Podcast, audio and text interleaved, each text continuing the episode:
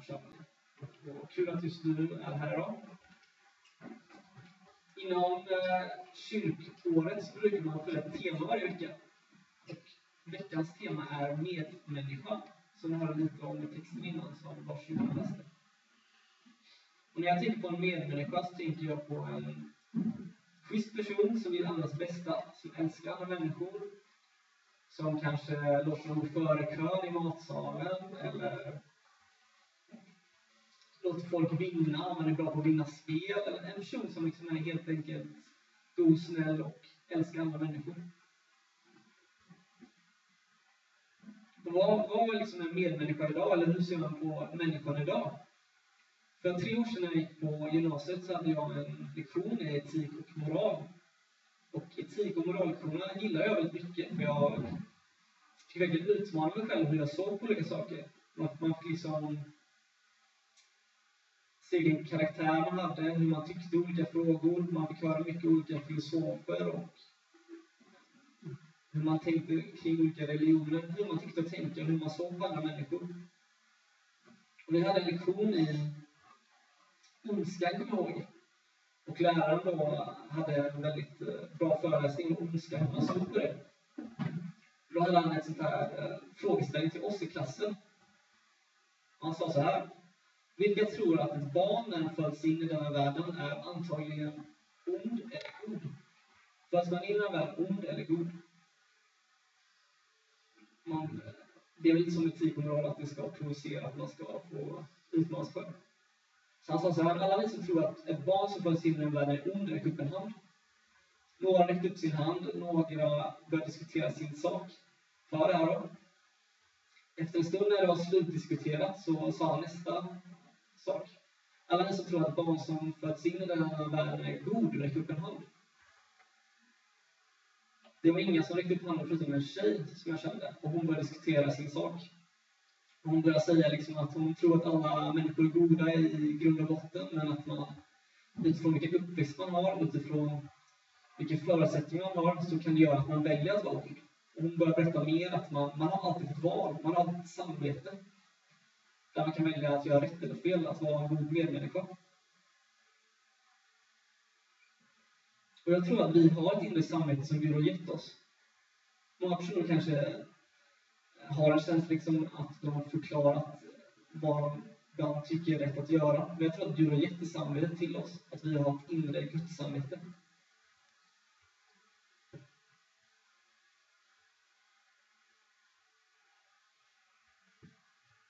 Det står så här i Apostlagärningarna kapitel 24, vers 16. Därför strävar också jag efter att alltid ha ett gott samvete gentemot Gud och människor. Där, där Paulus säger, därför strävar också jag efter att alltid ha ett gott samvete gentemot Gud och andra människor.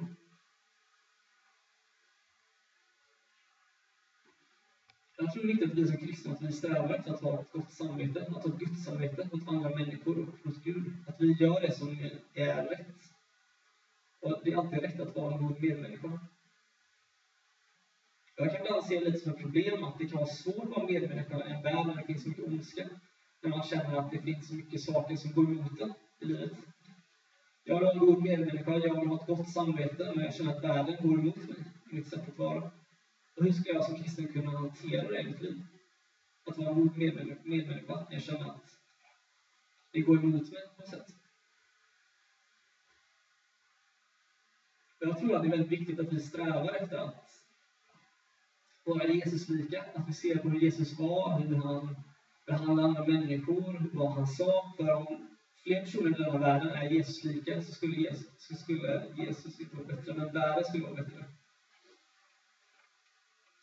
Det står så här i en text i Bibeln. Det finns många texter i Bibeln. Tror ni mig? Och Jesus sa mycket om hur man skulle behandla sina medmänniskor, hur man skulle vara sina kompisar. Och det här är en text som kanske är lite, den, den är inte lätt att förstå, men den kan vara väldigt svår att ta till sig i sitt vardagliga liv. Jag läser den ändå. Kapitel 5, vers 38 till 44 i Matteus evangeliet. Ni har hört att det blir sagt öga för öga och tand för tand. Men jag säger, värj er inte mot onda. Nej, om någon slår dig på höger kinden, så vänd också den andra mot honom. Om någon vill processa med dig för att få din skjorta, så ge honom din mantel också. Om någon vill tvinga dig att följa med en mil i hans tjänst, så gå två mil med honom. Ge åt den som ber dig och vänd inte ryggen åt den som vill låna av dig. Ni har hört att det blir sagt, du ska älska din nästa och hata din fiende. Men jag säger det, älska era fiender och be för den som, som förföljer er. Jag menar att älska sina fiender och att be för dem som, som förföljer oss och som är elaka mot oss. Det är väldigt lättare sagt än gjort alltså. Jag kan vara ärlig, jag har svårt att älska mina fiender.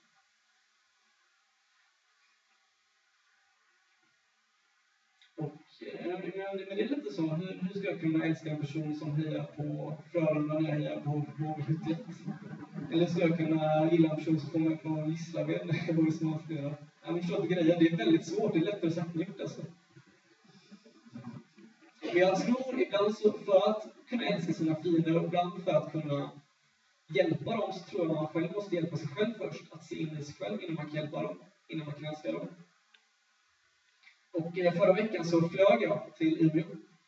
Och eh, ni som vet, Umeå ligger så det långt bort om man bor på västkusten eller i, i Småland. Och innan man alltid flyger iväg så står alltid flygvärdinnan och går igenom säkerhetskontrollerna. Säker, säkerhetsgenomgången, tror jag det kallas. Och eh, hon står i mittgången och förklarar hur man sätter på sig säkerhetsbältet. Hon förklarar hur man sätter på sig syr, lite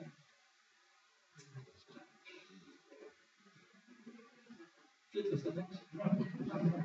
Det är gött när vi har koll på min flika mer än eh, Och sen så förklarar de då eh, nödutgångarna. Och sen sa jag en till grej med syrgasmasken, att man alltid, alltid ska sätta på sig syrgasmasken först innan man sätter på någon annan.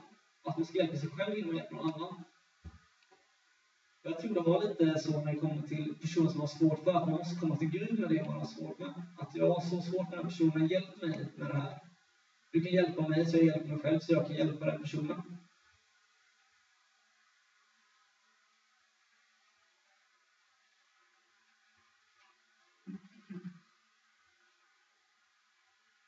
Det står också att vi ska vända andra kinden till. Att vi ska lite, lite på ett sätt släppa vårt egna ego. Och det krävs mycket kärlek och mycket uthållighet att vända andra kinden till som människa. Och hur blir vi som, jag menar man vill ha ett gott gudsarbete, man vill vara mer Jesuslik för att vara en bra medmänniska. Men för att vara en god medmänniska så krävs det också uthållighet.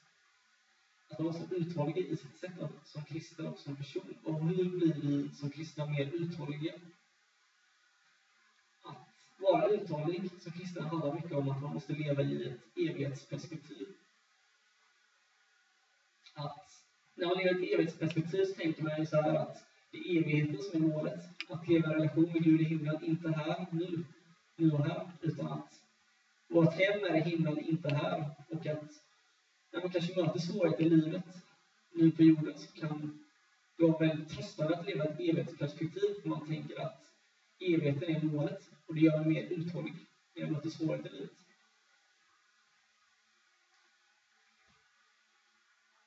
Uh, och jag skulle ha en scoutspaning här i en scoutspårning, en scouthike nu i våras. Och jag och Annie skulle, jag, jag använder dig som exempel, så du vet om. Eh, och vi skulle planera då en scouthike för våra scouter. Och självklart behövde vi hitta en ny väg för att scouterna kände så här att vi vill inte gå den vanliga scoutvägen för den är tråkig. Alltså. Liksom. Så då var jag och Annie tvungna att gå en ny väg in i skogen. Och jag var lite så här, först måste vi verkligen provgå den. Kan vi inte bara ge dem en karta så går de vägen själv. Så här. Men eh, det kan ju finnas björnar och epatraktorer som uh, Så jag kommer ihåg att vi parkerade här borta, vi parkerade i typ Burka. Sen så tog vi en annan bil och körde längre bort på vägen, ut några kilometer. Och sen måste vi gå rätt ut i skogen härifrån, in där och hitta liksom en led till bilen då, längre bort som skulle vara slutdestinationen. Jag kommer ihåg att vi gick så här jättelänge, eller jag tyckte det, vi gick nog en, två timmar kanske. Eh, och jag blev så trött efter en stund, det var varmt, jag var törstig och jag gick i skogen. Och gick ner till Nissan och det var så mycket buskage. Jag gick där och tyckte det var jättejobbigt liksom. Men till slut så kom vi fram till den här bilen och scouthiken blev jättebra. Och sen när jag kom hem så kollade jag på Google Maps. Och då såg jag hur vi hade gått. Och även om jag tyckte det var jättejobbigt så såg jag att vi hade gått rätt. Jag såg liksom hela bilden. Jag tror det är lite samma sak i ett evighetsperspektiv, när man ser hela bilden, när man ser Guds storhet, att det finns en evighet som väntar, så blir det lättare att vara uthållig, det blir lättare att vara en god medmänniska. När vi ser hela bilden. För det kan vara så när vi går i livet, nu tycker det är jobbigt med medmänniskor, och det är liksom den här jobbiga skogen som grenar smäller i ansiktet, men när du ser hela bilden så blir det lättare att vara en god medmänniska, när du är uthållig och lever i ett evighetsperspektiv.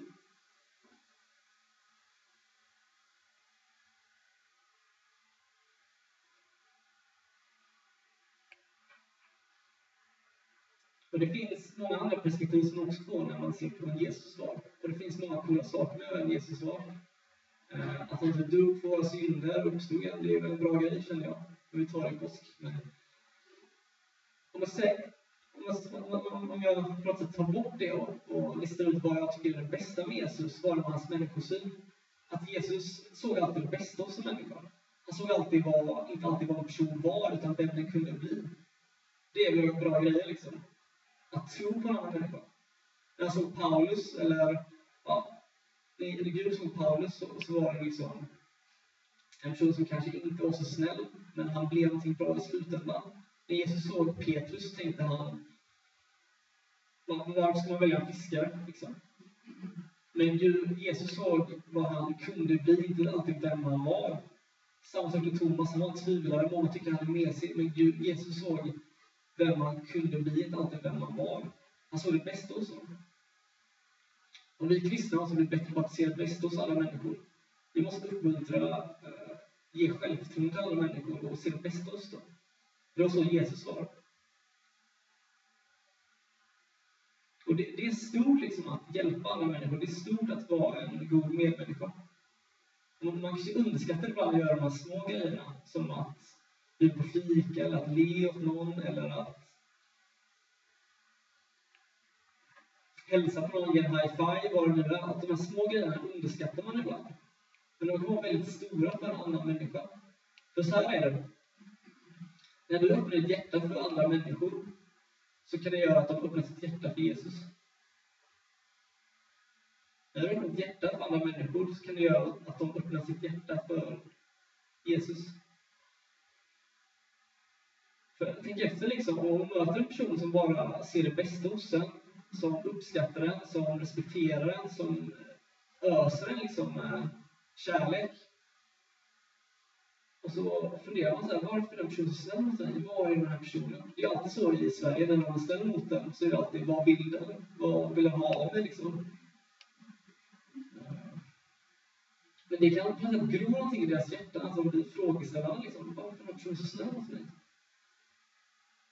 Och det gör att de kan öppna sitt hjärta för Jesus när du gör de här små, små sakerna, när du väljer att vara en god medmänniska.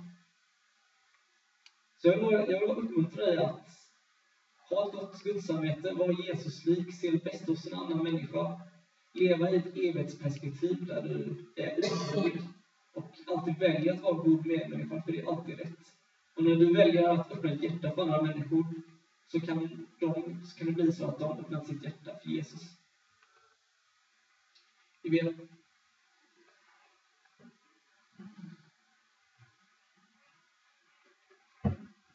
Tack Gud för den här dagen. Tack för att vi får hänga fler björkar och ha gudstjänst söndag morgon. Tack Gud för att du hjälper oss att försöka bli goda medmänniskor.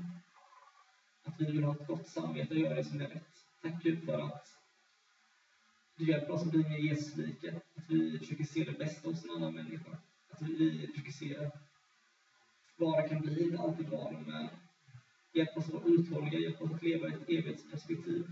Där vi alltid vill vara uthålliga att göra det rätta, att vara en god medmänniska. Amen. Det kommer nu finnas tillgång att, när vi ska gå in i en tillbedjan, en liten stund i tillbedjan, det kommer finnas tillgång att tända ljus eller skriva sin bön. Känn dig fri om du vill stå eller sitta ner eller tända ett ljus. Men vi går in i en stund av tillbedjan.